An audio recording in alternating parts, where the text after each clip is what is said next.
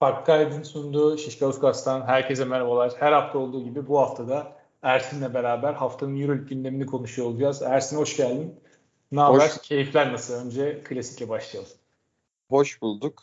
Ben direkt e, keyfimden bahsetmeden önce bir eleştiri getirmek istiyorum sana. Bu ne kadar enerjisiz bir girişti böyle.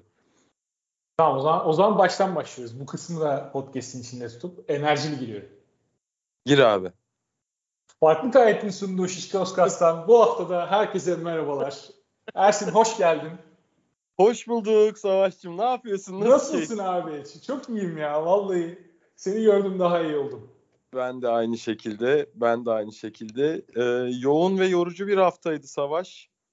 Vallahi e, bu yoğun ve yorucu haftanın bütün sıkıntısını Şişka Oskas'la atıyorum. Değil mi? Değil mi? Ben de aynı şekilde. Ee, Savaş, keyfim çok iyi. Ee, hemen bir şeyden bahsetmek istiyorum.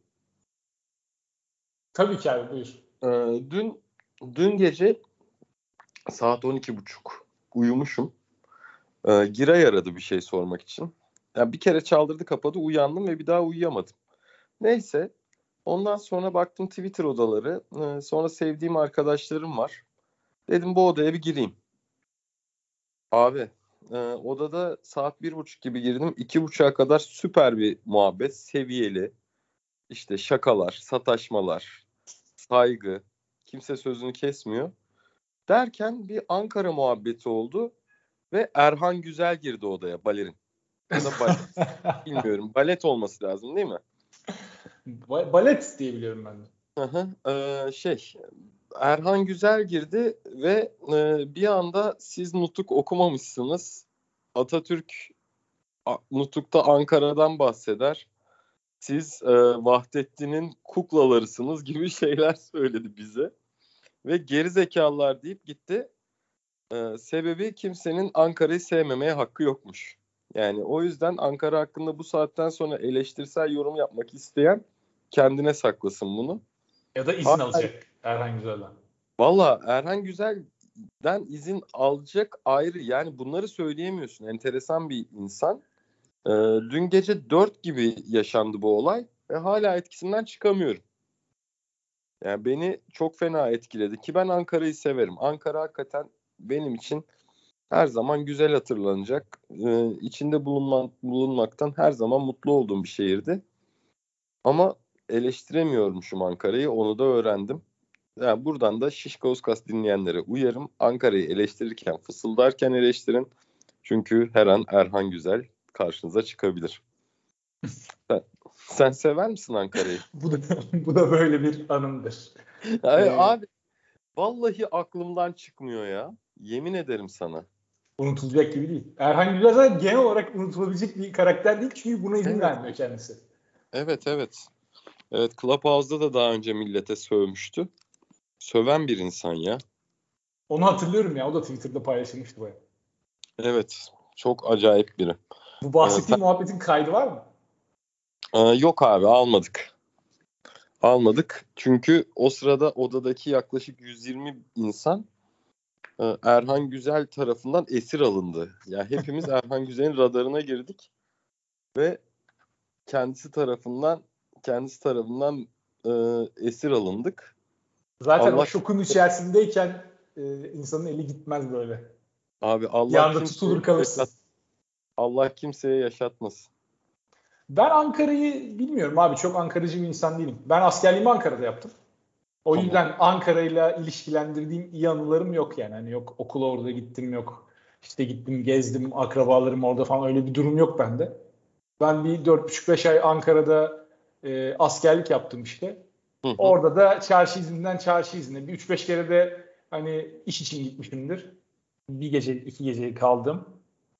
Onun dışında Ankara ile alakalı böyle çok e, yani bu sebepten ötürü çok sıcak değilim hani Ankara'ya. Ama Ankara ile alakalı yeteri kadar e, bir nasıl fikir oluşturacak kadar Ankara'yı gezdim mi dersen gezmedim. O yüzden çok net bir şey söylemeyeceğim yani.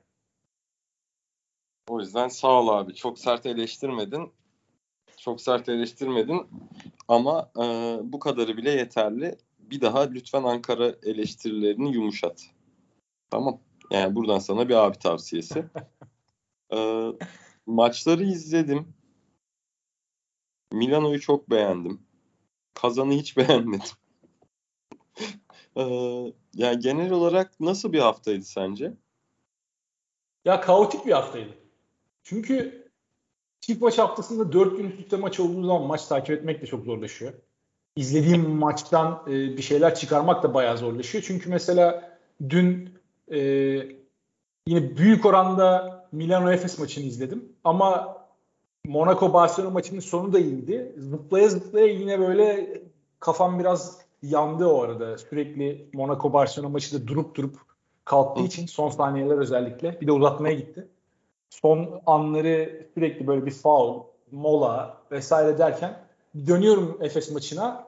Sonra ulan diyorum öteki maçı unuttuk. Bir dakika sonra dönüyorum bakıyorum çok da bir şey olmamış aslında.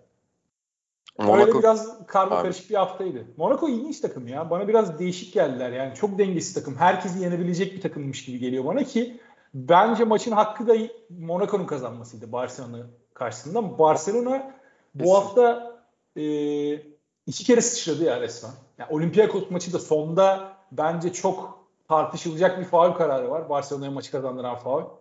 Bana biraz ucuz bir faulmüş gibi geldi. Yani orada rebound mücadelesinde hani klasik şey fauller olur ya işte kolu taktın diye faul çalarlar ama aslında rakip senin o kolunu hapsetmiştir iki kolunun arasına. Tam öyle bir faul çıktı Barcelona. İki servis atışla maçı kazandılar. Bence o maçın hakkı da Olympiakos'un kazanmasıydı. Monaco maçının hakkı da yani tamam hadi uzatmada belki Barcelona kazanabilirdi ama Monaco'nun normal süre bitirmesi gereken bir maçtı. Westerman ve Mike James üst üste e, saçma sapan şut atma yarışına girdiler. Yani Mike James de sağa yatarak atıyor, sola yatarak atıyor, koşarken tek ayak üstünde fast break'te üçlük atıyor falan. Tam bir sirk e, tadında geçti son 2-3 dakikası maçın. Barcelona'da bildiğim Barcelona yani, yani senin o e, Saras'a yapmayı sevdiğin eleştirileri biliyorum. E, maçı izlemediysen hiçbir şey kaçırmadın. Barcelona 2 yıldır hatta 3 yıldır neredeyse ben Pesic döneminde aynı e, sepete atıyorum. 3 yıldır aynı top oynuyor Barcelona ve farklı bir şeyler olmasını bekliyor. Yani bu kadronun tavanı çok yüksek olduğu için tabii götürüyor o kadro bir şekilde normal sezonu ama bu sene de Final Four'da benzer bir şekilde elenirlerse geçen sene Efes'e kaybettikleri gibi veya bu sene yarı finalde de olabilir. Ben hiç şaşırmam açıkçası şu görüntüyle. Bir şeylerin değişmesi lazım orada bence bir üst seviye için. Barcelona haddinden fazla dizginleniyor. Ben de katılıyorum buna ya. Yani ilk başlarda biraz Saras'a zaman vermek lazım diyordum ama tweet de attım bununla alakalı. Yani Saras oyunculara yardımcı olduğundan çok onları dinliyor hakikaten. Senin söylediğin çok doğru bir terim. Yani bilmiyorum. Ya keyif de almıyorsun izlerken. Bu kadar kaliteli bir kadroyu izlerken keyif almak istiyorsun ama onu bir türlü sağlayamıyor. İstiyorsan biraz ligin genelinden bahsedelim. Çok maç vardı bu hafta çünkü. Hı çok kısa ben gözüme çarpan birkaç tane sonuç var. Onlara değinmek istiyorum. Birincisi Asvel Makabi maçı. Ben açıkçası Asvel'in içeride Makabi yeneceğini düşünüyordum. Özellikle de bu kadar iyi başlangıçtan sonra. Makabi de ilk maçta zar zor Bayern Münih'i yendikten sonra üst üste iki mağlubiyet almıştı. Ee, ilk maçın gazıyla acaba bu sene Makabi farklı olur mu? İşte Nanoli çok iyi falan filan derken e, iki hafta üst üste tam geçen seneden bildiğimiz Makabi gibi oynadılar. Yani çok böyle e, limitli, işte Yıldız'a bile zor sayı üreten e, tam böyle kısır döngü ve Wilbeck'in eline bakan Wilbeck'in de 5 haftada bir defa ancak kurtarabileceği bir takım hüviyetindelerdi. Hı hı. Üçüncü haftanın sonuna kadar ama Asfer deplasmanında 93 sayıyla kazanmaları ki Asfer bence bu sezonun çarpıcı savunma takımlarından bir tanesi olabilir. O potansiyele sahipler. E, beni şaşırttı şahsen. Nanoli'nin de çok iyi performansı. O biraz beni şaşırttı. Monaco'nun iki maçtaki biraz önce bahsettim ama Monaco'nun iki maçtaki performansı e, daha doğrusu Monaco'nun Barcelona karşısındaki performans pardon. E, iki maçta derken bir an kafa Barcelona gitti. E, Monaco'nun performansı bence onların bu sezon playoff'a kalacaklarına çok inanmıyorum ama playoff'u zorlayabilecek takımlar arasında olurlar mı acaba diye düşündürttü bana. E, ben ilginç takımlar var yani birkaç tane. Senin gözüne çarpan bir şey oldu mu bu hafta? Benim gözüme çarpan Olympiakos bayağı baba takım. Yani Olympiakos keyifli. Ee, onun dışında Onun dışında Zenit Bayern Münih maçı enteresan maçtı. O maçı bayağı izleme fırsatı buldum. Hmm, başka düşünelim. CSK Şengelya sakatlığıyla bayağı bir sıkıntı yaşayacak. Onu şimdiden söyleyebilirim. Onlar da ama Kızılyıldız zor bir rakip. Ee, her ne kadar çok yetenekli bir takım olmasalar da zorluk çıkarabiliyorlar rakiplere. Ee, bunu da gösterdiler geçtiğimiz haftalarda. Fenerbahçe maçında da bence limitli kadroya rağmen çok iyi performans göstermişler. Gittiler Maccabi deplasmanla yendiler mesela. Sonrasında ee, Zalgiris'i yendiler. Şimdi fikstürden bakıyorum. E, bence Kızılyıldız zaman zaman böyle sıkıntı çıkarabilecek bir takım. Özellikle o fiziksel e, kimliğiyle. O yüzden e, Kızılyıldız'a karşı CSK'nın iki tane çok önemli eksik varken ki Şengel'in eksikliği de o kadar kötü zamanda geldi ki Şengel iki tane muazzam maç oynamıştı. Geçen sene Şengel'e beklentilerin biraz altında geçirdikten sonra Efes karşısında muazzam oynadı. Son iki hafta da çok iyi bir oyun sergiledi. Ama işte tam onun üstüne gelen sakatlık e, Militinov da yokken CSK adına baya kötü oldu. Artık Kenneth Farid time diyebiliriz herhalde. Senin baya hoşuna gidecek bir e, hamle gelebilir orada Tunis'ten.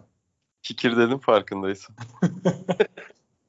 ee, şeyde e, Bayern Münih ya ben Fenerbahçe maçının ikinci yarısının ortasından itibaren e, şey Fenerbahçe maçının ikinci ya yani Bayern Münih maçının üçüncü çeyreğinden itibaren Zenit Bayern Münih izledim. Arada Fener'e geçtim. Hani maçta artık yani ne olduğu belliydi ve maç hep aynı düzenle gitti bu arada Fener kazan maçı. Ee, Bayern Münih Hilliard'a çok güzel bir rol vermiş. Ee, takımın en çok süre alan oyuncusu Hilliard. Ve hani ben beğenirim. Hilliard'ı çok beğenirim ama e, geçen seneki o e, şeyde geçen seneki o düzenden çok artık uzak takım. Yani Reynolds bu kadar mı fark eder ya?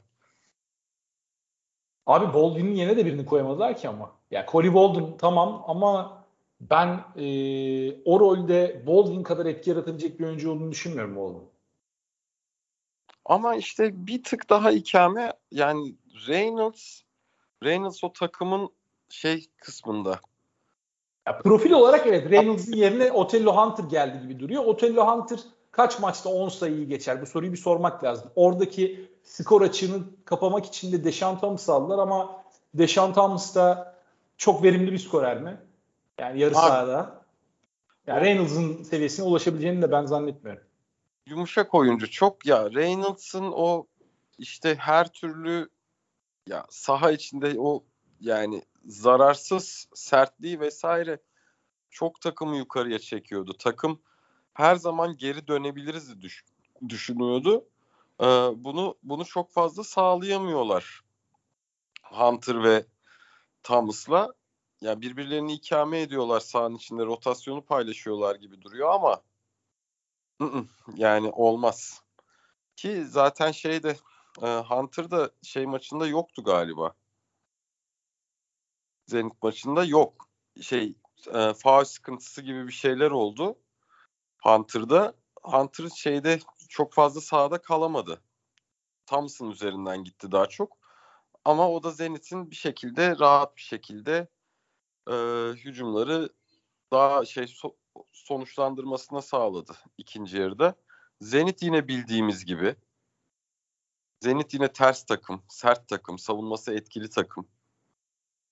Zenit'le ben... ilgili benim e, en çok hoşuma giden şey daha Şabaz Napier kadroya dahil olmadan e, Jordan Lloyd'un özellikle neler yapabileceğini görmüş olduk. Bunun üstüne Abi, bir de Pascual Napier'i oturtursa buradan çok tehlikeli bir takım çıkabilir. Abi e, Lloyd ya zaten 11 asistle bitirdi maçı ve onun dışında ya tepeden o kadar güzel deliyor ki e, her zaman her zaman çaprazda Zubkov'u, Poitras'ı boş hale getirdi. Yani asistin asisti diyeyim. Yani basketbol için bu çok normal bir terim değil ama bütün organizasyon elindeydi Lloyd'un ve e, yani direkt asist dışında o boşa çıkan oyuncuyu görecek oyuncuyu, o ekstra pası yapacak oyuncuyu da çok güzel gördü.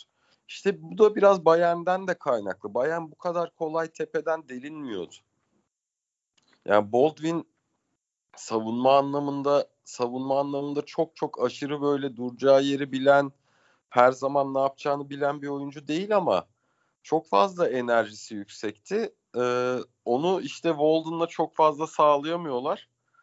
Ama ben Zenit'i genel olarak çok beğendim. Bir de ya benim işte şeyde Euroleague'de her zaman takımında görmek isteyeceğim oyuncu Miki. Çok çok güzel katkı veriyor takıma hücumda. Ya ben Miki'nin gerçekten ya eline top geldiğinde e, sayıyı bulabileceğine inanıyorsun. Ve bu da bence çok büyük rahatlık ya. O mevkiden 4-5'ten bu katkıyı her zaman standart alabilmek çok büyük kat şey.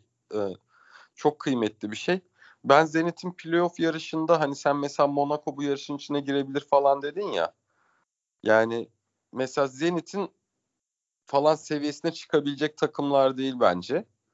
Yok ben Zenit'i oraya koymuyorum zaten. Yani Zenit e, yani şu şekilde devam ederse Napier eklemesi de geldikten sonra Hı. zaten Zenit'in ben hani en kötü ihtimalle 7'den falan playoff'u bir şekilde pot, şey kafaya atacağını düşünüyorum. Ya, on, ee, Monaco ile alakalı demek istediğim daha ziyade böyle 11. 10. sıralarda gezinebilecek Hani son haftaya kadar belki zorlayabilecek bir takım olabilir. Monaco güzel takım. Onu yapabilir. Onu yapabilir ama e, kadro kalitesi olarak da e, bir anda düşebilir de. Orada Donta Donta Hall yani çok keyif veriyor izlerken. İşte Mike James ne zaman kafayı kırar acaba? Mike James bence kafayı kırıp gelmişti. Çok ben ya. öyle kafa yerinde bir oyuncu görmedim orada yani. Biraz ona ya. hani bunun zaten kafası kırık ama bizim de elimizde bu seviyeye çıkabilecek başka oyuncu yok diye müsamaha gösterecekler. Ya Mitrovic, Mitrovic benim çok beğendiğim bir koç. Hani oyuncu rollerini falan bence çok iyi ayarlıyor. Ee, biraz James'in takımı olmasına izin vermiş bu takımın. Ya yani böyle bu... bir kadro verirsin abi. Çünkü öteki Garden Westerman yani. E hem öyle hem bir de şimdi işte CSK'da dolanmış. E, Panathinaikos'ta yine iyi iş şey Panathinaikos nereden çıktı? Milano'da iyi işler yapmış bir takım taşımış. Ondan sonra e, geriye düşmüş vesaire bir oyuncu. James ya şimdi Euro Cup'tan yeni çıkmış. E, Monaco'yu bir tık kendinden daha düşük seviyede görür. Yani James'i mesela dizginlemeye çalıştığında e, sen dedin ya sen Barcelona maçının sonunda çok kötü şutlar denedi vesaire. James'i bu sefer dizginlemeye çalışırsan o şutları atmasına izin vermezsen bence takıma daha çok zarar verir James'in varlığı. O yüzden James ben... öyle bir oyuncu.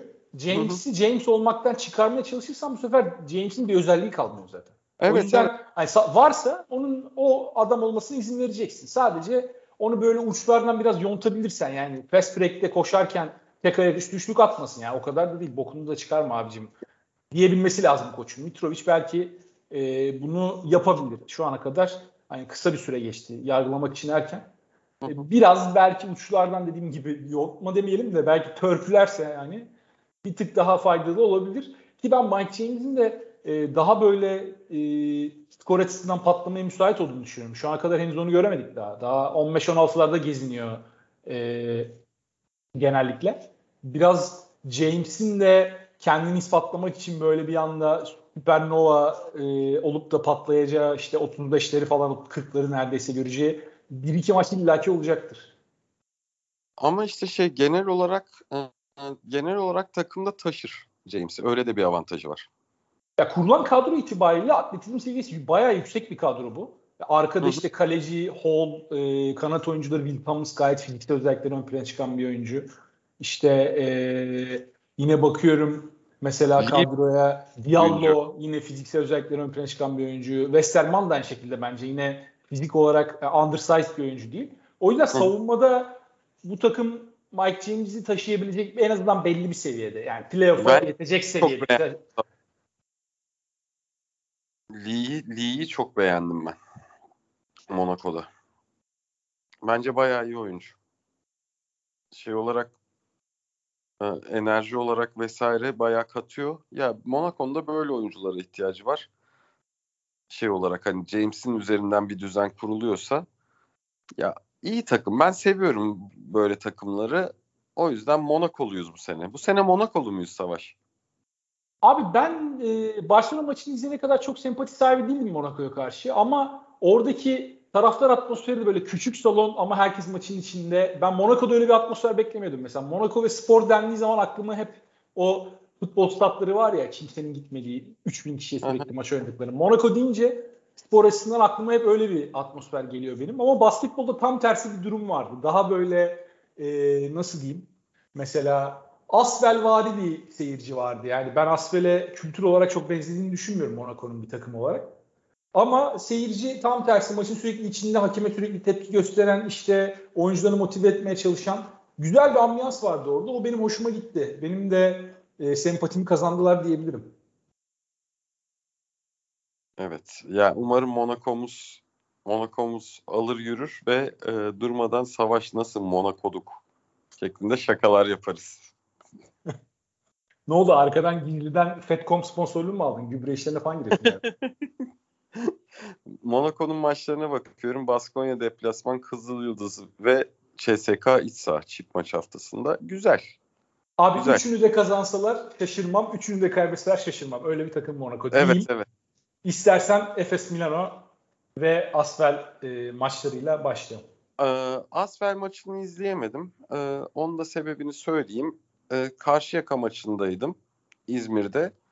Ben Karşıyaka'ya en son Euro Challenge işte bu şeyde e, sonrasında seyircinin sahaya bir şey attıktan sonra döndüğü maçta döndüğü Final Four'daki yarı finalde gitmiştim. E, o zaman bu kadar net iyi bir atmosfer olduğunu hatırlamıyordum. Yani coşku yüksekti vesaire ama e, bu şey maçında Stal Ostrov maçına gittim. Hatta ilk yarı 12-13 farklı gerideydi. Oradan maçı kazandı Karşıyaka.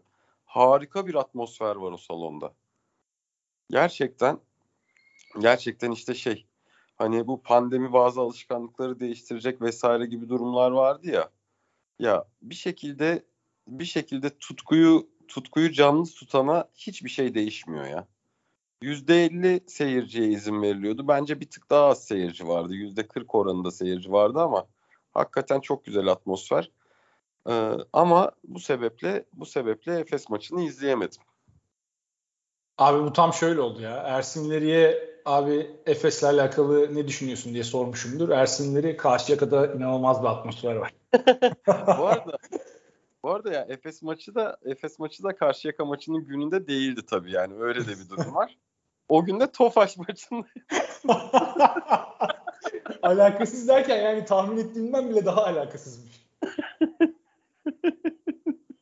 Sonuçta Milano Efes maçını izledim. Ben de izledim. Ben Asfer maçını da izledim. Keyif aldım maçtan. Ee, dünkü maç bence güzel bir maçtı. Ama Efes'le alakalı şey, sana şöyle söyleyeyim.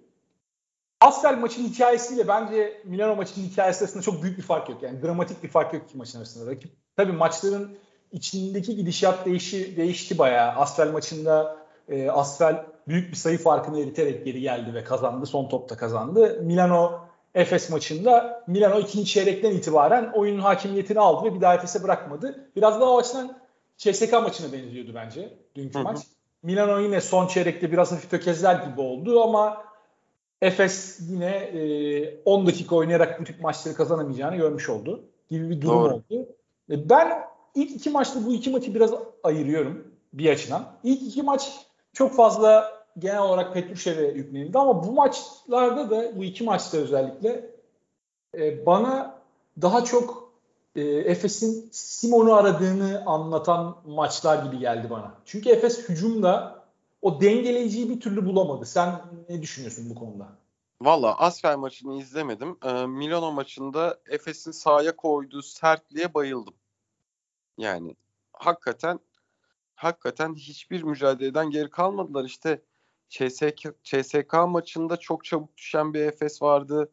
Real Madrid maçında Tavares'in Tanga'nın sertliklerine cevap veremeyen bir Efes vardı.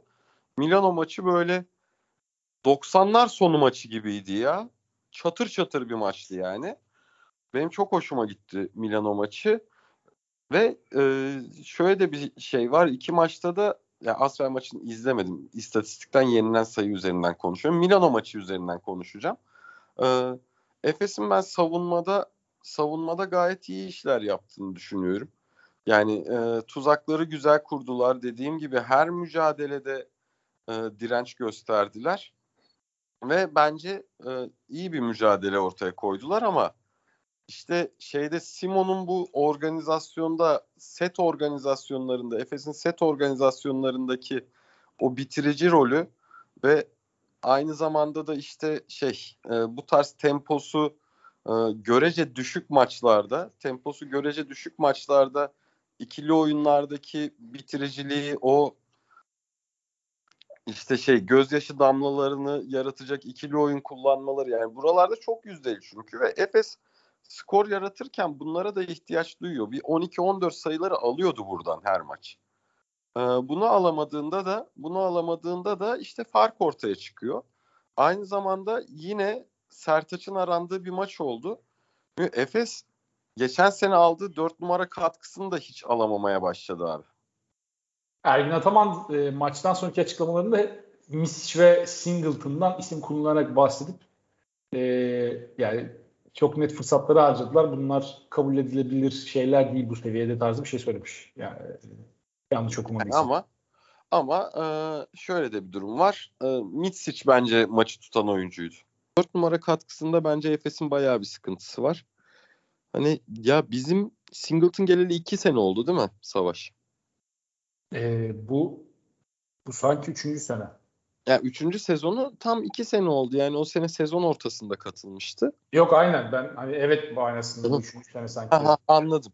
Anladım. Yani işte e, Singleton'a dair hep söylenen bir şey işte hmm, oyunun içine giremezse bu düzenli hale gelebilir. Singleton oyunun içine girememeye başladı.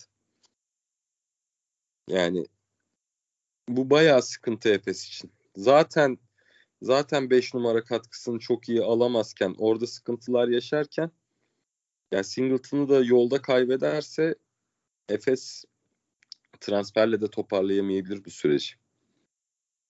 Yani bu kadar bu kadar şeyde uzun rotasyonda sıkıntı yaşayacaklarını düşünmediler bence.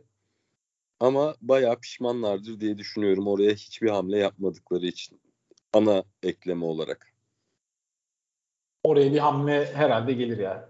Ee, oradan önce ama Elijah Bryant konuşuluyor bu hafta. Milwaukee onu serbest bıraktı. Avrupa'ya dönerse Efes'in ilgisi olduğu söyleniyor. Şimdi E, kim yazdı tam hatırlayamıyorum ama biri bahsetmiş Twitter'da.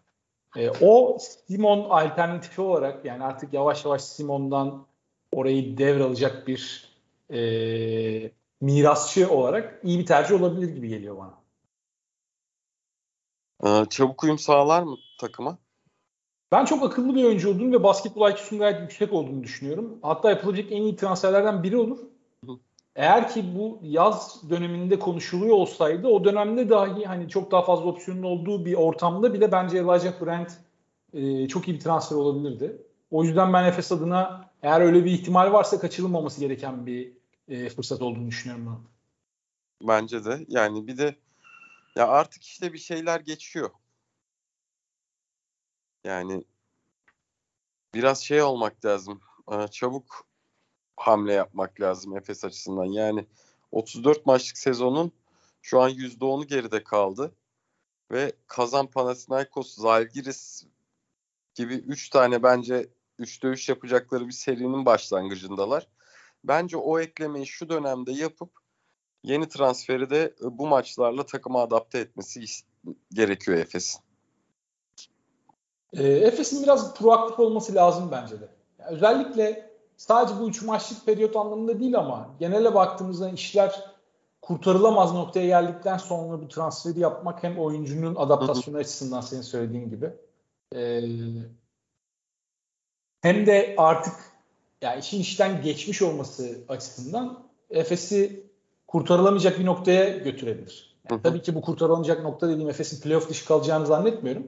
Ama sağ avantajını kaybetmek Efes'i playoff'ta oldukça zor bir duruma sokar. Bunu da kabul etmek lazım. Üst taraftaki e, 4-5 takım arasındaki e, seviye yakınlığını düşünürsek. Çünkü Milano'nun da çok iyi başlangıcı malum. Onlar da beklediğimizden iyi geldiler. 75 sayı yemedi daha Milano. Evet Milan'ın dediğim gibi e, savunma performansı özellikle çok e, benim beklentimin üstünde şahsen. Orada Melli'nin yarattığı etki, Mitoğlu'nun yarattığı etki. O yüzden Efes'in biraz dediğim gibi proaktif davranması onlar açısından daha iyi olabilir. Yani ben de senin dediğin gibi düşünüyorum aslında. Ya Eğer ki iki transferi de hatta bu aralar yapabilirlerse o zaman Hı. çok daha rahat olur elleri.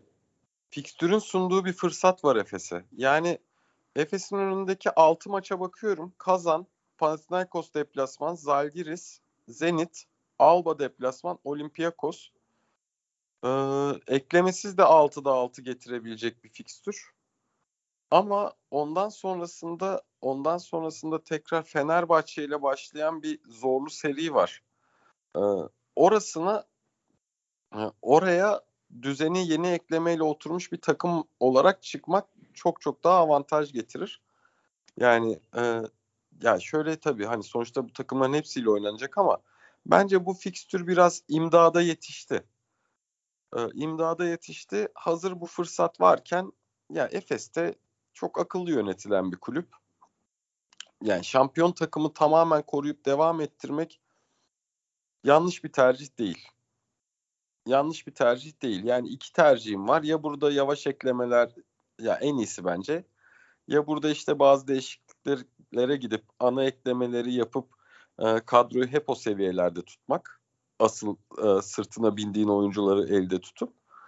Ya da işte bu kazanma alışkanlığı, birlikte oynama alışkanlığını kuran takımı e, bir arada tutmak. Onlar ikinciyi tercih ettiler. İlki daha bir iyi bir olmuş ama.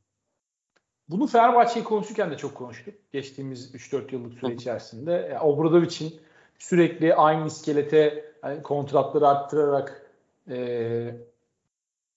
devam etme isteği bir noktada Fenerbahçe'yi artık uçuruma sürükledi. Yani Fenerbahçe oradaki seviyesini, oradaki yerini kaybetmiş oldu. Tepe 4-5 takım arasındaki yerini kaybetmiş oldu.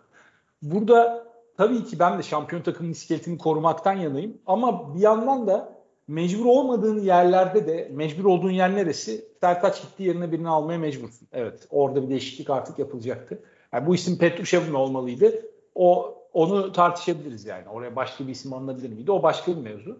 Ama mecbur olmadığın yerlerde de o meşaleyi devretmesi e, an itibariyle şart olmayan ama yakın gelecekte artık onu hissettirmeye başlamış oyuncuları artık yavaş yavaş ikinci plana atacak. Mesela Fenerbahçe'de kimdi bu? Datome bence bir numaralı Datome. E, Fenerbahçe onu yapmadı. Yani Datome'nin önüne bir oyuncu alıp da Datome'yi yavaş yavaş artık ikinci plana atma işini Fenerbahçe yapmadı. Datome ayrılana kadar hep Datome'den Fenerbahçe çok büyük oranda bir şeyler bekliyordu. Mesela burada Simon'la alakalı aynısını yapması hatta mesela Simon, Dunstan bu ikili bence bir numaralı buradaki isimler. Yani bu ikiliyi artık yavaş yavaş böyle biraz daha baba figürü, figürü rolüne alacak. İhtiyaç olduğunda tabii ki kullanacak ama onlar olmadan da artık e, seviye, belli bir seviyeyi koruyabileceğim bir düzene geçmek Efes adına önemliydi. Bu yaz bu açıdan bence kaçırılmış bir fırsat. Bunu sezon içindeki hamlelerle yapmak ne kadar mümkün olacak? Onu göreceğiz. Çünkü hala Efes'in bence Simon'dan özellikle çok büyük bir beklentisi var. Sen mesela savunma performansından bahsettin. Savaşçılığından bahsettin. Oradaki kilit nokta bence maç özelinde bakarsak Ergin Ataman hiç kullanmadığı bir 5 kullanmak zorunda kaldı bu maçta. Çünkü elinde 3 numara yok. Ne yaptı? 3 uzuna döndü. Singleton 3 numaraya attı. İşte veya Moerman artık hangisini 3 numara diyorsanız. Singleton, Moerman, Petrushev gibi 5'lerle oynadı. Yani Singleton, Moerman, Dunstan gibi 5'lerle oynadı Ergin Ataman. Ki e, Efes'e geldiğinden beridir ve bu kadro bir araya geldiğinden beri hiç böyle yollara başvurduğunu görmemiştik. Biraz mecbur kaldı için artık elinde oynayacak başka kart kalmadığı için bu yola dönmek zorunda kaldı. Orada ne oldu? E, e, Efes fizikli bir takım haline geldi ama e, uzadığın zaman da ne yapıyorsun? E, lateral çabukluktan vazgeçmiş oluyorsun. Yani orada belli bir rakibe e, manevra alanı sağlıyorsun. Messina da ikinci çeyrekte buna çok iyi karşılık verdi. Hı hı. Messina da oyunu tamamen dışarı taşıdı. E, bir anda ne oldu? E, Efesli forvet rotasyonu özellikle ağır kalmaya başlayınca Milano'nun topu dolaştırmasına karşı Efes çok fazla boş üçlük vermeye başladı. Yani Shield işte ondan sonra oradan etki yapan zaten Datome mesela ikinci çeyrekte Datome de çok büyük etki yaptı. Orada oyunculara boş üstüne boşluk verdiğin zaman, ayaklar gitmediği zaman da oyunun kontrolü bir anda tamamen Efes'teyken tamamen Milano'ya geçti. Yani böyle oyun ortaya geldi demiyorum yani. Bir uçtan öteki uca gitti direkt. Doğru. Burada evet şöyle bir şey ekleyeceğim. Ee, bir de şöyle bir e, durum oldu. Milano buna topu çok hızlı dolaştırarak cevap verdi ve e, yani sayılarının basketlerinin yüzde seksenini diyeyim hani faul atışlarını da katarsak yüzde yetmiş beşini asist üzerinden buldu. Ve bu hücum temposunu da yarı sahadaki hücum temposunu da yüksek tutarak sağladı. Yani topu çok dolaştırdı. Topu hep en doğru oyuncuya doğru zamanda ulaştırdı.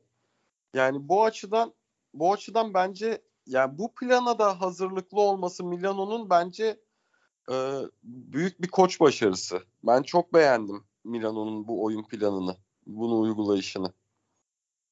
Yani Milano e, 65 artı 5 70 kere yaklaşık servis atışları da dahil ediyorum buna. Hı hı. E, topu potaya atmış. Ve bunların 22'si asist olmuş. Yani isabetli olanları da isabetli olanlar üzerinden düşünürsek senin dediğine geliyor. Yani neredeyse e, yarısından fazlası %60 %70 gibi bir şey geliyor. Servis yani, yarım düşünürsek mesela 3 geliyor oradan işte 27 30 tane basketleri var gibi düşünelim. Servis atışlarda da asist sayılabildiği için onları da tek servis atışı bir basket gibi düşünüyorum. Ee, daha doğrusu yarım e, şöyle 7 yani, servis atışları var. 3.5'tan alıyorum onu mesela 30 oluyor. Ya 30'un 22'si asistle gelmiş. Neredeyse her basket asiste gelmiş gibi bir durum oluyor burada. Bu savunma Efes'te, için çok kötü bir veri.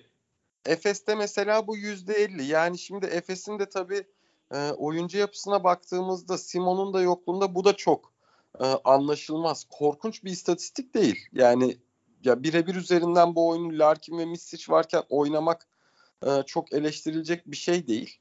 E, bu benzer maçlarda Efes'in rahat kazanacağı maçlarda da bu istatistiği görebiliriz. Ama e, o yüzde 75 güzel bir istatistik, değerli bir istatistik. 75 sayı yani, attığın bir maçta zaten 22 asistle oynuyorsan 22 asistle inanın, 10 top kaybı muazzam bir şey bence bu. Bence de.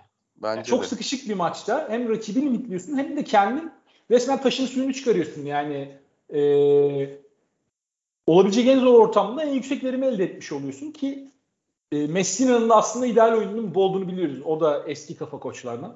Hı hı. Obradoviç'ten de çok alıştığımız o basketbolu Messina da seviyor. Yani yarı sahada olsun oyun.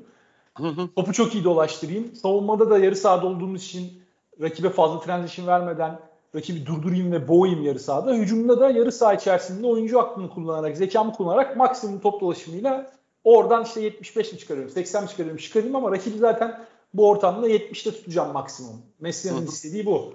İdeal, evet. ideal senaryosu gerçekleşti belki de. Şimdi şöyle bir şey ekleyeceğim bir de son olarak. Ya bir de şu da kıymetli. Daha üçüncü hafta ve ilk çift maç haftası. Ee, takımların maç ritmini daha kazanmaya başladığı dönem. Ee, takımların e, rakip analizlerinde daha e, birebir en doğru veriyi alamadığı bir dönem. Ya burada Efes'i çok doğru çalışıp e, bir de e, şeyde e, takım düzenini oturtmak ya gelecek açısından gelecek açısından da Milano'nun daha korkutucu olabileceğini gösteriyor. Orada Öyle. oynamadıkları daha bir e, kartları daha var. Yani Troy Daniels hamlesi özellikle hücumda Milano'yu bir seviye daha yukarı taşıyabilir. Daniels çok özel bir şütör. Avrupa Hı-hı. basketboluna ne kadar uyum sağlayacağını göreceğiz. Bir Messina takımında oynamak kolay bir şey değil. Çünkü Jerry, işte Jerry Grant de e, yani belki Daniels kadar değil ama o da önemli seviyede umut bağlanarak getirilmiş bir oyuncu. Şu an kadar çok rotasyona dahil olamadı. Bir tane orta sahadan çok acayip bir üçlük attı.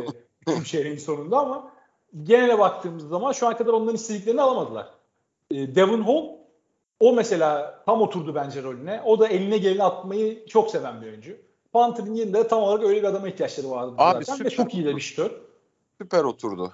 Bayıldım. Yani tam oturdu oraya. Daniels bir, bir boyut daha katabilir oraya. Ee, Daniels yani bir şekilde buna uyum sağlarsa uyum sağlarsa şey olarak e, bu hani işte nokta şütör yani Kuriş'ten falan fazlasını verebilir. Rolü anlamında. Ya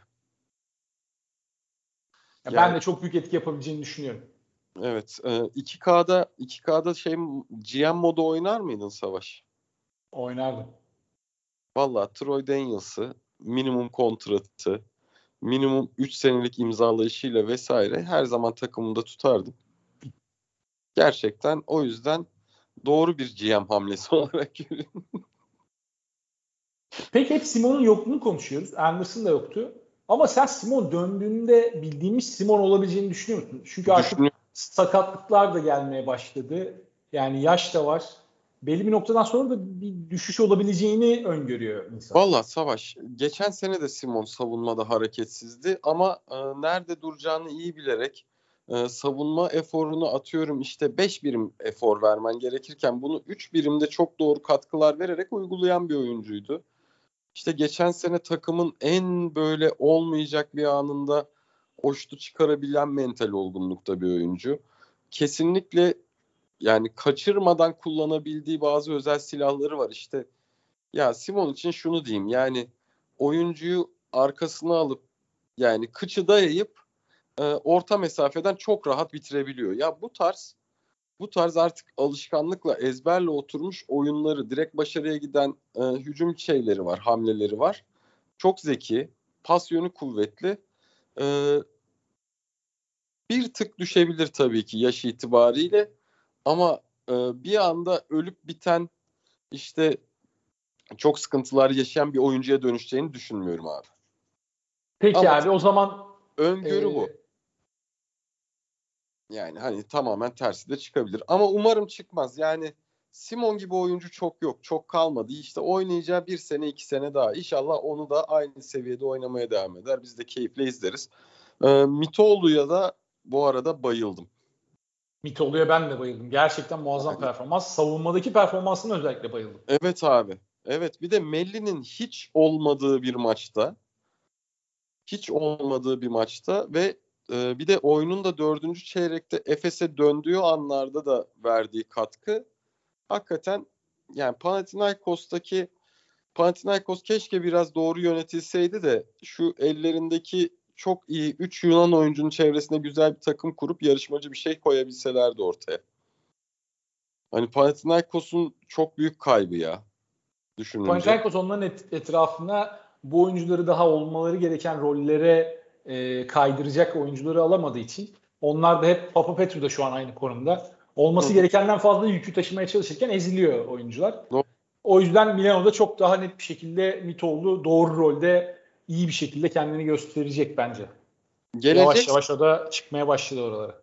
Gelecek sezon diğer böyle işte Milano gibi contender takımlarda da e, şuna yol açabilir. Papa Petru ve Papa Yannis'e e, daha şey yaklaşabilir takımlar. E, bize çok katkı verir diye yaklaşabilir. Papa Petru için bence geç bile kaldılar. Papa Yannis için çok benzer düşünmüyorum ama Papa Yannis, Papa Yannis biraz çok artık eskide kalmış bir oyuncu tipi profil olarak ama Papa Petru da e, günümüz basketbolunda çok iş yapan bir adam. Yani özellikle yan parça olarak işte Efes'e koysam mesela tam aradıkları tarzda bir oyuncu. Atıyorum 3 numarada oynar 4'e de kaydırabilirsin. Veya e, Barcelona'ya koysan yani 3 numarada onlarda da orada bence bir açık var. Fenerbahçe'ye koysan Fener'de de oynar atıyorum. Yani o e, kimsenin hayır diyemeyeceği bir oyuncu. Bu sezon neden kaldı? Hani ben onu tam şey yapamadım. Biraz Panathinaikos Mitoğlu'yu da kaybedince onu kaybetmek istemediği için oraya çok yüklendi herhalde. Bir şey daha soracağım son olarak. Ee, mesela Fenerbahçe'de 4 numara ihtiyacı vardı. Polonara'yı aldı. Doğru hamle, güzel hamle. Ee, Polonara olmasaydı mesela Mitoğlu'yu getirmek gelir miydi aklına? Ya şahsen benim listemde olurdu. Ama Mitol transferi erken bitti ya. Milano o işi bitirdiği için zaten Yok. öyle bir opsiyon ortada kalmamış. Aklıma gelmezdi mesela Mitol'ya gitmek. Yani Panathinaikos'tan bir Yunan oyuncuyu çekip e, böyle adapte etmek bence büyük başarı. Ben çok beğeniyorum Milano'yu. Tam böyle sevdiğim gibi. Ya atlet oyuncular var. E, fizik olarak hep yüksek kalıyor. E, onun dışında işte Datome, Heinz, Rodriguez böyle gurme şeyler var. Euroleague Ligin kaşarları. Yani Ligin kaşarları Ya şey olarak hani işte hani şampiyonluğu konuşmak Milano için yine erken ama ya o o kalitede bir yapılanmaya gittiler. Yani iki senede işlerin buraya gelmesi bence enteresan, güzel. Doğru doğru, yön... doğru yolda gidiyorlar evet. Doğru akılla yönetilen takımları seviyorum. Mesela bence Real Madrid'de bak bir sallandı abi. Yani hani eksikleri var bazı şeylerde bu tercihler yapılır mı den, denebilir ama hop oraya bir tane Hanga oturttu. Yabusele'yi getirdi. İşte yine doğayenleri tuttu. Yani e, Real Madrid'de bence işte guard rotasyonunda bir baba ekleme yapabilirdi. Hörtel ve Gos e, bu açıdan çok güveneceğin adamlar değil ama Real Madrid'de bence aynı şekilde. Ya bu en çok şu an bu sene Euroleague'de çünkü Fenerbahçe'den bir beklentim yok. Hani oradan geçeriz. E, Fenerbahçe'den bir beklentim yok. En böyle başarılı olmasını istediğim iki takım. Bir Milano, iki Real Madrid abi bu sene. Peki son soru Efes'ten Fener'e geçelim. Ee, tamam. Efes önümüzdeki 3 maç sen de mi söyledin? Kazan, Panathinaikos, Zalgiris. 3 maçtan bir mağlubiyet gelirse panik butonuna basar mısın? Ee, Panathinaikos ya kaybedebileceklerini düşünmüyorum ki bu üç maçı. Zalgiris'i kaybederse kaybeder. Gelirse diyorum. E, bence Panathinaikos'u kaybederse kaybeder. İçeride kaybedeceğini zannetmiyorum ya kazan ya da Zalgiris'e. Çok zor yani. İşte ben de ben de hani Panathinaikos'un hiçbir şekilde diş geçirebileceğini düşünmüyorum. Yani Fenerbahçe nasıl verdi Panathinaikos'a maçı hala anlamıyorum. Bence arada bayağı büyük kalite farkı vardı. Ee, o yüzden 3 maçtan birini kaybederse panik butonuna basılabilir.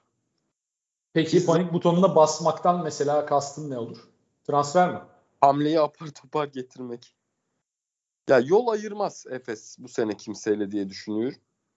Yo ben Yol zaten o manada söylemiyorum yani. Kadrodan birini gönder veya yani koş kovulacak hali yok yani. Şu şu noktada. Sadece Eklem, bahsettiğim hani yapar. ne yapılmalı, nasıl bir hamle gelebilir? Ama eklemeyi çok hızlı yaparlar ama zaten bence Efes o eklemeyi çok hızlı bir şekilde yapmalı. Yani e, Sertaç işte oyuna ilk beşte başlamamasıyla olsun işte yükselen bir oyuncu yani işte ne bileyim bunu şeydeki NBA'deki rol tanımlarına göre gireyim. Yani Sertaç rotasyon oyuncusundan sixth man'e çıktı takımda ve e, maçı da bitiren oyuncuydu. O yüzden hani aslında ana ana parçaydı. Ya bu ana parçayı e, prospektle doldurmak işte o çok doğru olmadı ya. O yüzden bence bir ana parça eklemesi yapması şart. Bak ben Petrusev hamlesini yanlış bulmuyorum. Bence yapılması gereken bir şeydi. Ama e, keşke bir de ana parça eklemesi yapsalardı. Katılıyorum ben de sana diyeyim. İstiyorsan Fener'le başlayalım. Tamam. Ee, yani Alba maçıyla alakalı bilmiyorum. Ne söylemek istersin veya bir şey söylemek ister misin? Abi e, ya bir tane Obradoviç dönemi Baskonya maçı vardı herhalde değil mi? 40 yenen.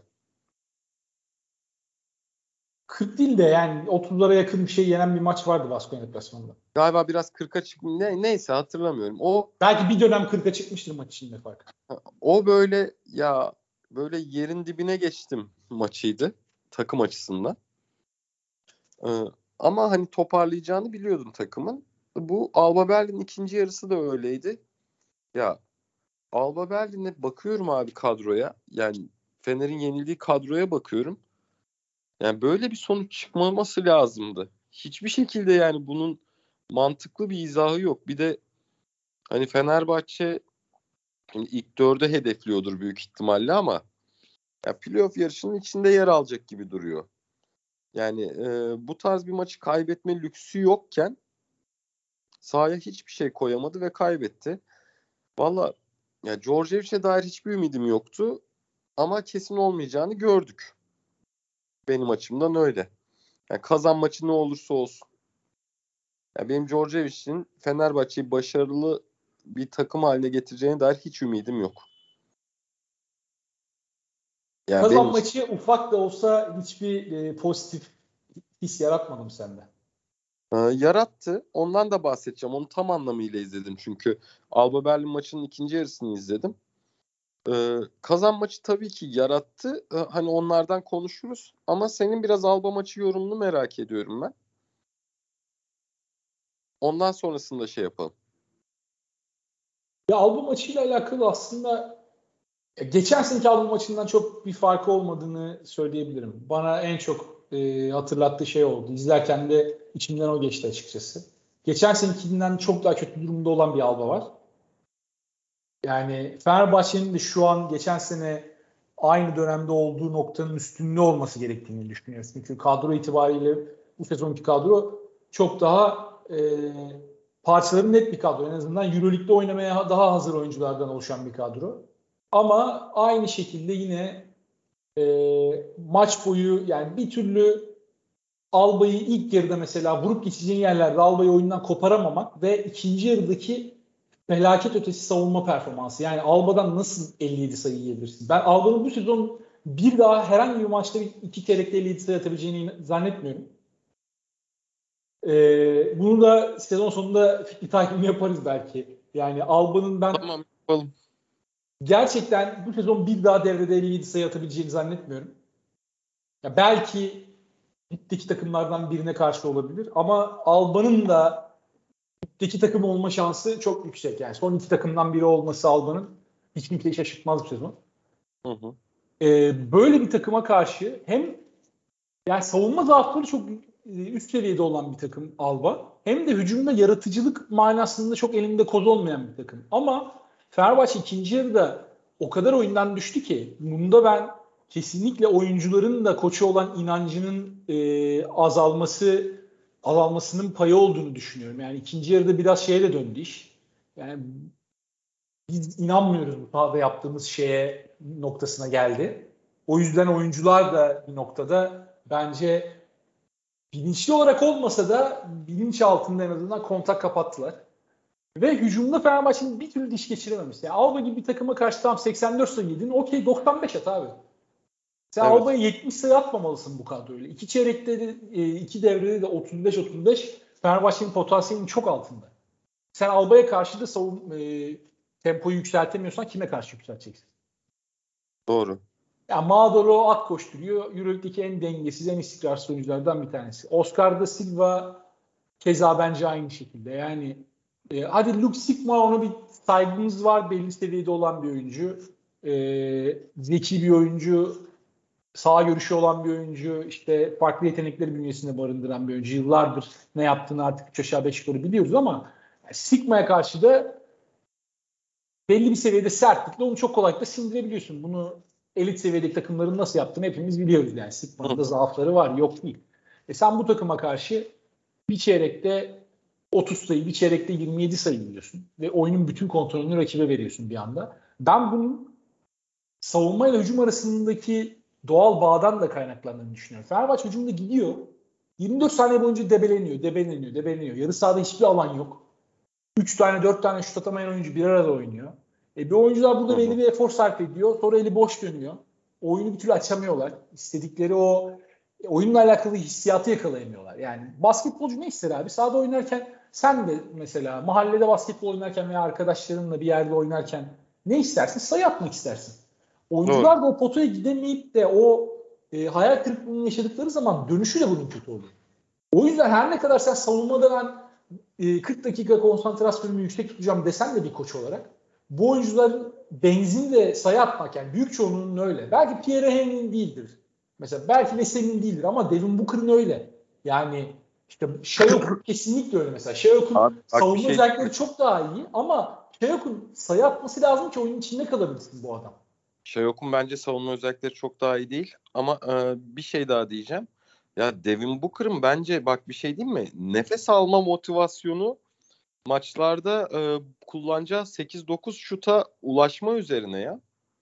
Bunun için yaşıyor bence Şayok. Şey Booker. Abi bak Veseli'nin değildir, Henry'nin değildir diyorum ya ama onlar için bile hücumda işte 15 sayı attıkları bir maçtaki performansla savunma performansıyla hücumda hiçbir şey üretemedikleri bir maçtaki savunma performansı arasında bence net bir şekilde fark çıkıyor. İnsan psikolojisi çünkü. Kendini ne kadar iyi hissedersen o kadar oyun içinde oluyorsun. Ama Fenerbahçe hücumunda o kadar duran bir oyun oynuyor ki. Ya yani oyuncuların hiçbiri sahada basketbol oynamaktan keyif almıyor. Ben en, bunu en net da gördüm şu ana kadar. Mesela kazan maçındaki performansıyla Alba maçındaki performans arasındaki farka bak. İki maç arasındaki farktan zaten Şayok'un Şayok'un kafa olarak oyunda olmasının onun ne kadar pozitif olduğunu etkilediğini görüyorsun. Doğru. Ya kazan maçıyla alakalı da söyleyecek çok bir şey yok açıkçası. Benim açımdan. Çünkü Vallahi. tamamen birebir üstünden oynayan ve tamamen Fenerbahçe'nin güçlü tarafına atak etmeye çalışan bir takım. Hücumda yine Fenerbahçe Alba maçından çok farklı bir şey yapmadı bana sorarsan.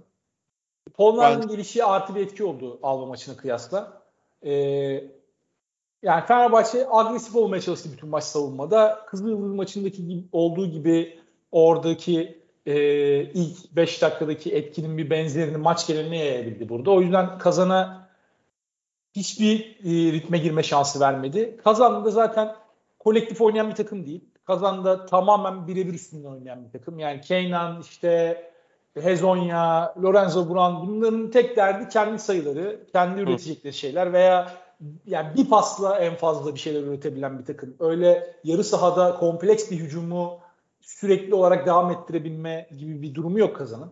Oyuncu profili olarak da bundan çok uzak. Pota altındaki oyuncular da aynı şekilde yani öyle oyuncu zekası yüksek bir takım olduğunu söyleyemeyiz kazanın. Ee, pahalı bir nasıl diyeyim yani çok daha pahalı bir Alba Berlin aslında kazandı bence. Çok da şey değil yani. yani birebir oyuncu seviyesi daha yüksek olabilir Alba Berlin'e Alba en azından Alba en azından işte yani e, çok fazla pasa dayalı e, hareketli hızlı bir hücum sunuyor. Ya şey onu da sunmuyor yani. Kazan. Yok canım orası öyle. Ben hani şey olarak söylüyorum aslında biraz da. Oyun tarzı olarak değil de daha ziyade oyuncu kalitesi açısından söylüyorum yani. Doğru doğru. Doğru kesinlikle öyle ya. Kesinlikle. Asıl test önümüzdeki hafta başlıyor. Hatta pazartesi başlıyor. Efes maçıyla başlayan seri. Hı hı. Sonrasında Real Madrid. İşte tam sıralamayı unuttum da Barcelona, Olympiakos, CSKA, Milano. Böyle bir fikstür var. Bu fikstürden Fenerbahçe nasıl çıkacak? Bu Djordjevic'in de geleceğini belirleyecek. Bence Fenerbahçe'nin de sezonunun e, akıbetini belirleyecek. Doğru. Orayı Ka- göreceğiz. Senin umudun nedir mesela? Kazan maçını bence boş ver. Yok Önümüzdeki kazan... iki haftalarla alakalı umut seviyen nedir? Kazan maçını şundan boş vermeyeceğim. Ee, biraz kazan maçı hani aslında hayal edilen oyunu gösterdi. Ee, o yüzden boş vermeyeceğim. Şey çünkü e, çok fazla e, çok fazla Fenerbahçe'nin tempoyu bulduğu anlarda hücumda sıkıntı yaşamadığını gördük. Kazan maçı bu. E, aynı zamanda oyuncuların savunma direnci ya Fenerbahçe çok fizikli bir takım. Dekolo'yu bir kenara bırakıyorum. Fenerbahçe yani e, Şehmuz da dahil buna. Şayoku'yla, Henry'siyle, Polonara'sıyla, Veseli'siyle, Pierre'iyle ya Guduric'iyle hakikaten fizikli bir takım. Ve yani bunun avantajını da bunu da koşarak avantaja çevirebilecek bir takım. Fenerbahçe bunu uyguladığı zaman çok keyif veriyor. Kesinlikle öyle. Ben yüzde yüz hak veriyorum yani, sana bu konuda. Yarı sahada bile koşması lazım abi Fenerbahçe'nin. Nasıl yaparsın bilmiyorum ama Georgia için bunu bulması lazım abi. Yarı sahada ne yapıyorsun? Artık ne ediyorsun bilmiyorum yani. Topu hızla bir tarafa taşıyıp da öteki tarafa mı atak edeceksin? Veya kaplar üstünden mi yapacaksın? İşte topsuz oyuncuları mı koşturacaksın yarı sahada? Fenerbahçe'nin hücumda durmaması lazım. Evet, Fenerbahçe hücumda tehlikeli yapabilecek tek faktör bu. Çünkü Fenerbahçe'nin evet. klasiktir. Pick and gardı yok. Yani Dekolo'yu da katıyorum ben burada işin içine. Çünkü Abi, Dekolo Dek- klasik bir pick and gardı değil yani.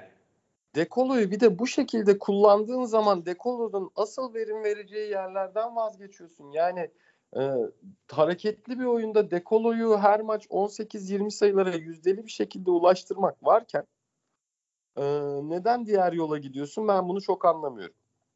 Dekolo'nun bu sezon sürelerini de azaltmaya çalışıyor gibi geldi bana Georgievich. Ya da yani çok yoğun bir takvimden geldiği için, olimpiyatlardan geldiği için buraya onu biraz daha idareli kullanmaya çalışıyor ki sezonun geri kalanını saklayabilsin diye. İkisinin arasında bir noktada şu an gibi görüyorum. Ee, sezon ilerledikçe Dekolo'nun süreleri nasıl ilerleyecek onu biraz gözlemlemek lazım. Eğer Dekolo 20 dakikalarda kullanılmaya devam edecekse biraz bu kadro dahilinde bana israf gibi geliyor. Yani Dekolo'nun 30'da kesinlikle görmesi lazım. Bana da kesinlikle. Fenerbahçe'de çünkü e, Dekolo dışında Dekolo dışında Fenerbahçe'nin yani direkt skor katkısını garanti alabileceği bir oyuncusu yok. Ya bu bir takım kurarken tercihtir. Ben buna bir şey demiyorum. Ya da işte Guduric'den de bu katkıyı almayı hayal edersin ama Guduric'in eline, Dekolo'nun eline güvendiğin çeyreğe kadar güvenemez. Yaratıcılık evet. olarak, yaratıcılık olarak o seviyelerde değil. Yani ama Fenerbahçe'nin elinde gerçekten gerçekten bunu uygulayabilecek ya çok güzel dört oyuncusu var Fenerbahçe'nin bunu yapacak ya.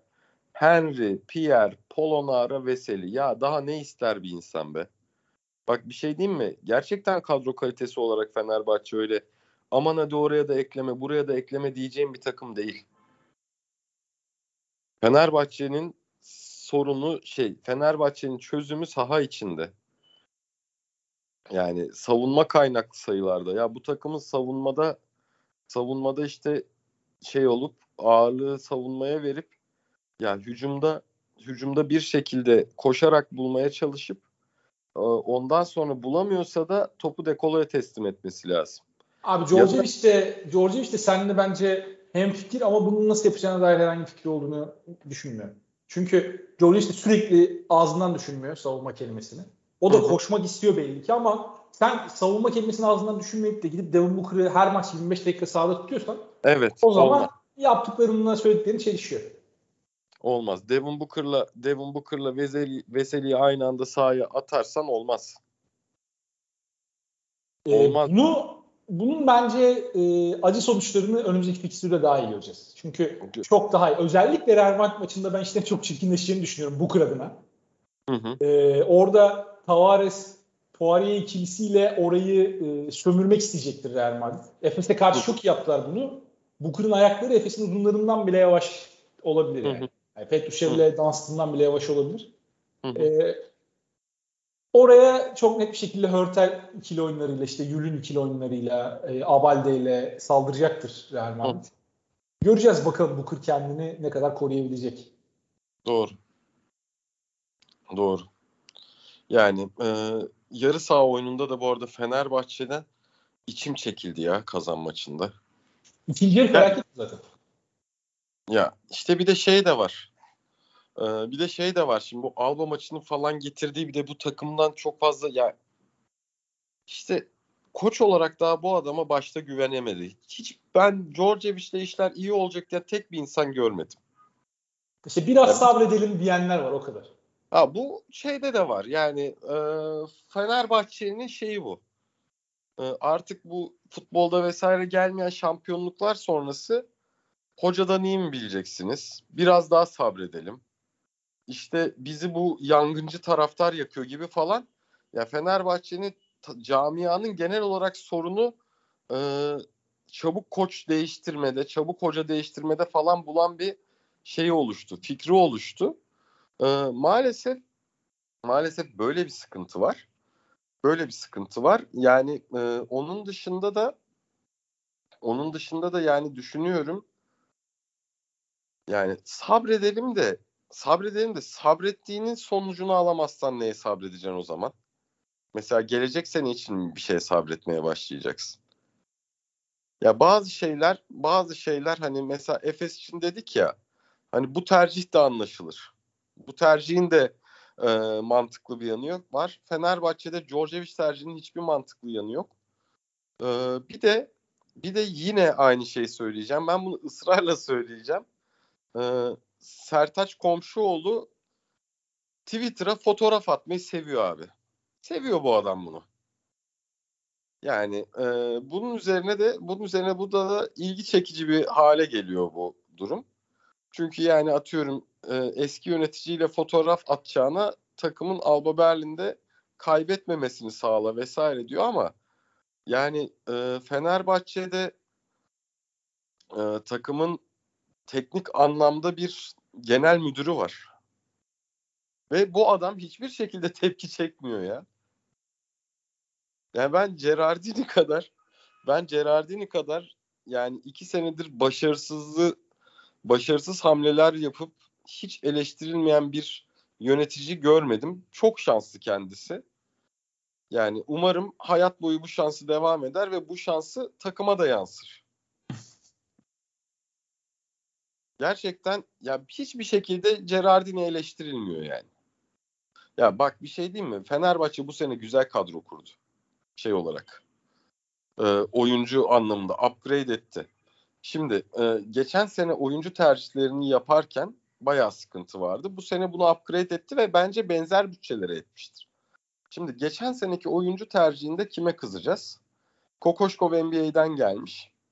Kokoşkov NBA'den gelmiş. Hatta yani e, şey yerine Edi yerine e, başka oyuncular istediğini biliyoruz mesela özellikle istediğini biliyoruz. Orada işte onlar tercih edilmemiş e, ve bir takım kurulmuş ortaya ve buradan e, kadro kalitesi olarak bir anda çok daha aşağı inen bir takım çıkmış.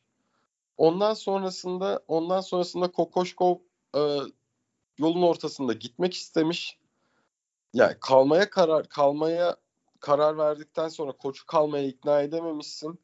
Herkesin artık tüm takımı kurduğu, düzeni kurduğu yerde e, şey koç değişikliğine gidiyorsun. Ya burada yine açıklayabileceğin fırsatlar varken işte tamamen e, koçluk yeteneği bu seviyelerde olup olmaya şey yapacağı e, sorgulanan bir koça 3 senelik gidiyorsun ve e, ilk 4 hafta itira ilk 4 maç haftası itibariyle bu eleştiriler haklı çıkıyor ki ligde de çok sıkıntılı bir Fenerbahçe var bir yandan ama hiç eleştirilmiyorsun. Gerçekten çok büyük kısmet. İnsanların biraz kafası karışık bu konuda. Neden diyeceksin? Ee, yaz boyu Kokoşkova ayrılmadan önceki dönemde Fenerbahçe erken bir biçimde hedefi olan oyuncuları e, iyi de oyuncu oyuncular bunlar. Hı. Hepsini bitirdi. Transferleri zamanında bitirdi. Bir tek işte Şehmuz biraz uzadı. Onun dışında Fenerbahçe taraftarı hep istediği oyuncuları takımda gördü. Özellikle Polnar ve e, Hevne herkesin istediği oyunculardı gelirken.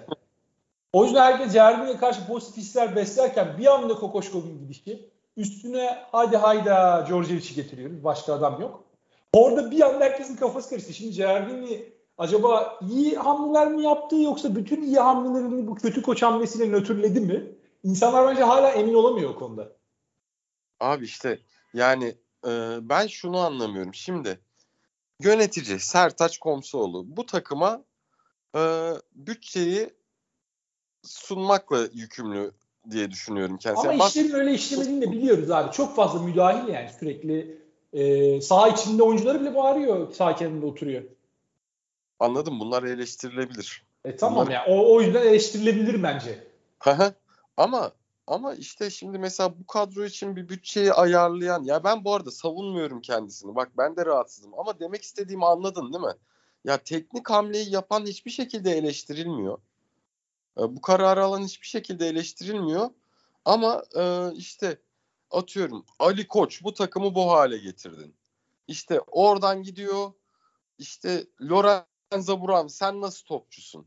Oradan çıkıyoruz Oradan çıkıyoruz. Ya bu takım nasıl bu kadar sakat veriyor? Oradan geçiyoruz. Sertaç. Hadi fotoğraf vermeyi bırak. Takıma bak. Ya abi tamam eyvallah ama işte ya bu takımın bir de müdürü var ya. Yani e, bunları tamamen göz ardı ediyoruz. Yani benim için benim için Fenerbahçe'nin iki senedir şu yaşanan şeylerindeki birinci sorumlu Gerardini mesele. Gerçekten de öyle. Bu değişmez kolay kolay. Ya bu demek değil ama bu arada e, Tertaç Bey işini çok doğru yapıyor. Ali Koç çok doğru bir yönetim gösteriyor. Ama yani bu işte şey gibi yani Dallas Kokoşkov'u getirdi. E, GM'ini vesairesini hepsini göz ardı edip direkt Mark Cuban böyle takım mı yönetilir demek gibi bir şey. Yani GM pozisyonunu bu işi NBA'de de yapmış biriyle dolduruyorsan e, eleştiride bence o adamı e, ekarte etmemek lazım. Demek istediğim bu yani.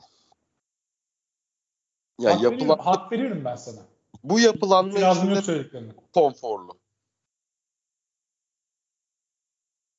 Herkesin kendine belirlediği daha nispeten kolay gördüğü hedefler oluyor yani. Bir insan Ali Koç'a takmış durumda oluyor. İşte her şeyi Ali Koç'tan biliyor. Öteki Sertaç Komsoğlu'ndan biliyor. Diğeri Lorenzo Brown'dan biliyor. Bence Gerard'in çok fazla basın önünde olmamasıyla, çok ortaya çıkmamasıyla, hep böyle e, nadir açıklama yapması işte kendini korumadığı yer itibariyle Gerardini o yüzden bence daha geri planda kalıyor burada. Abi ne kadar ama... kendini ön plana atarsan başarıda da başarısızlıkta da ilk Doğru. Gelip insanlar senden bilirler. Doğru. Gerardini belki başarılı olursa mesela Gerardini alması gereken övgüyü de alamayacak. Öyle de İmaj da önemli abi. İmaj da önemli. Ee, şimdi Gerardini yani öyle bir e, şeye sahip ki dış görünüşe sahip ki bakıyorsun lan diyorsun bu adam profesör ya. Bu adam diyorsun profesör yani. Bu adam bu... bir şeyler biliyordur diyorsun değil mi? Evet abi. İşte o zaten abi Gerardin'in olayı o yani. yani. Onu yaratıyor. Yani gerçekten biliyor adam şeyler evet. Ama onun ötesinde mesela bir aurası var adamın. Tamam diyorsun hani ceketimi ilikleyeyim adamı gördüğüm zaman. Ama hata yapıyor mu? Yapıyor yani. Babasını yapıyor. Yapıyor, yapıyor. ama e, yani hakikaten bir şey değil mi? Gerçekten çok şanslı Fenerbahçe'de çalışıyor olduğu için. Ya Avrupa'da başka takımlarda e, bu kadar şey olmazdı. Rahat olmazdı. Yani bu kadar cevabı... otonomi sahibi olmazdı en azından. Burada evet, evet. E, yönetim çok müdahale ediliyor vesaire deniliyor ama Gerardin de yani orada tek sorumlu neredeyse. E, bizim camianın bir kurumsallık aşkı var. Ee, yönetimin biliyorsun yine kurumsal olalım e, hedefi var. Ya buralarda da hazır Gerardini var. Yani devam o zaman. Ama Hayırlısı diyelim bakalım. Djordjevic'le ilgili Djordjevic'e 3 senelik kontrat ya bu önümüzdeki haftalarda çıkacak işte bu. Bunun bunun nasıl yani umarım Fener başarılı olur. Fenerbahçeliyim yani. Hani kazan maçında ben takım 40 sayı yemesin diye böyle maçı heyecanlı izliyordum. Yani abi takım sevgisinde gerçekten isteğin sonu yok. Yani ben ne bileyim can düşmanım olsun Fenerbahçe'nin başında. Yine Fener mutlu olsun isterim. Ama yani hani isme bağlılık da değil bu. Ya hani şimdi göreceğiz o zaman. Bak bu öndeki rakip takımlar sana çok ters bu belli geliyor. Bak bir sıkıntılı bir şey geliyor. Yani buralarda dönülmez bir hale gelirse takım. Çünkü ya Efes için mesela şu anda bir avantaj. Takım mesela ya lig sonuncusu şu an Efes. Yani şey olarak 3 tane galibiyetsiz takımdan biri. Ama önünde öyle bir fikstür var ki en azından sıkıntılarını tam olarak çözmese de e, kaybettiği kazanma alışkanlığını kazanır. Ama Fenerbahçe hem kesinlikle kazanması gereken iki maçı kaybetti. Eksi iki yazdı. E, puan durumunda hem de hem de kazanma alışkanlığını da kaybedebilecek bir durumda. Daha bu alışkanlığı tam kazanamadı. Ya Fenerbahçe'nin şu önümüzdeki yol ya bir daha atıyorum Popovic'i getirsen dönemeyecek hale gelebilir. Kadro Burada Celali'nin yapacağı hamle e, veya o hamlenin zamanlaması Gerardin'in de Fenerbahçe'deki geleceğini be, e, belirleyecek faktörlerden bir tanesi olabilir. Kesinlikle öyle. Yani Efes için kesin transfer ama Fenerbahçe'nin de çözümü kadro içinde bulması lazım. Yani kazana 40 attık. Yolumuz açık olsun durumu yok. Keşke öyle olsa. Keşke öyle olsa biz de yani işte pazartesi Efes maçını heyecanla beklesek. Efes maçı biter bitmez diğer Euroleague maçımız için dakika saymaya başlasak. Umarız ama, öyle olur diyelim. Ama Efes'e biz mi ilaç olacağız diye düşünüyorum ben şu an.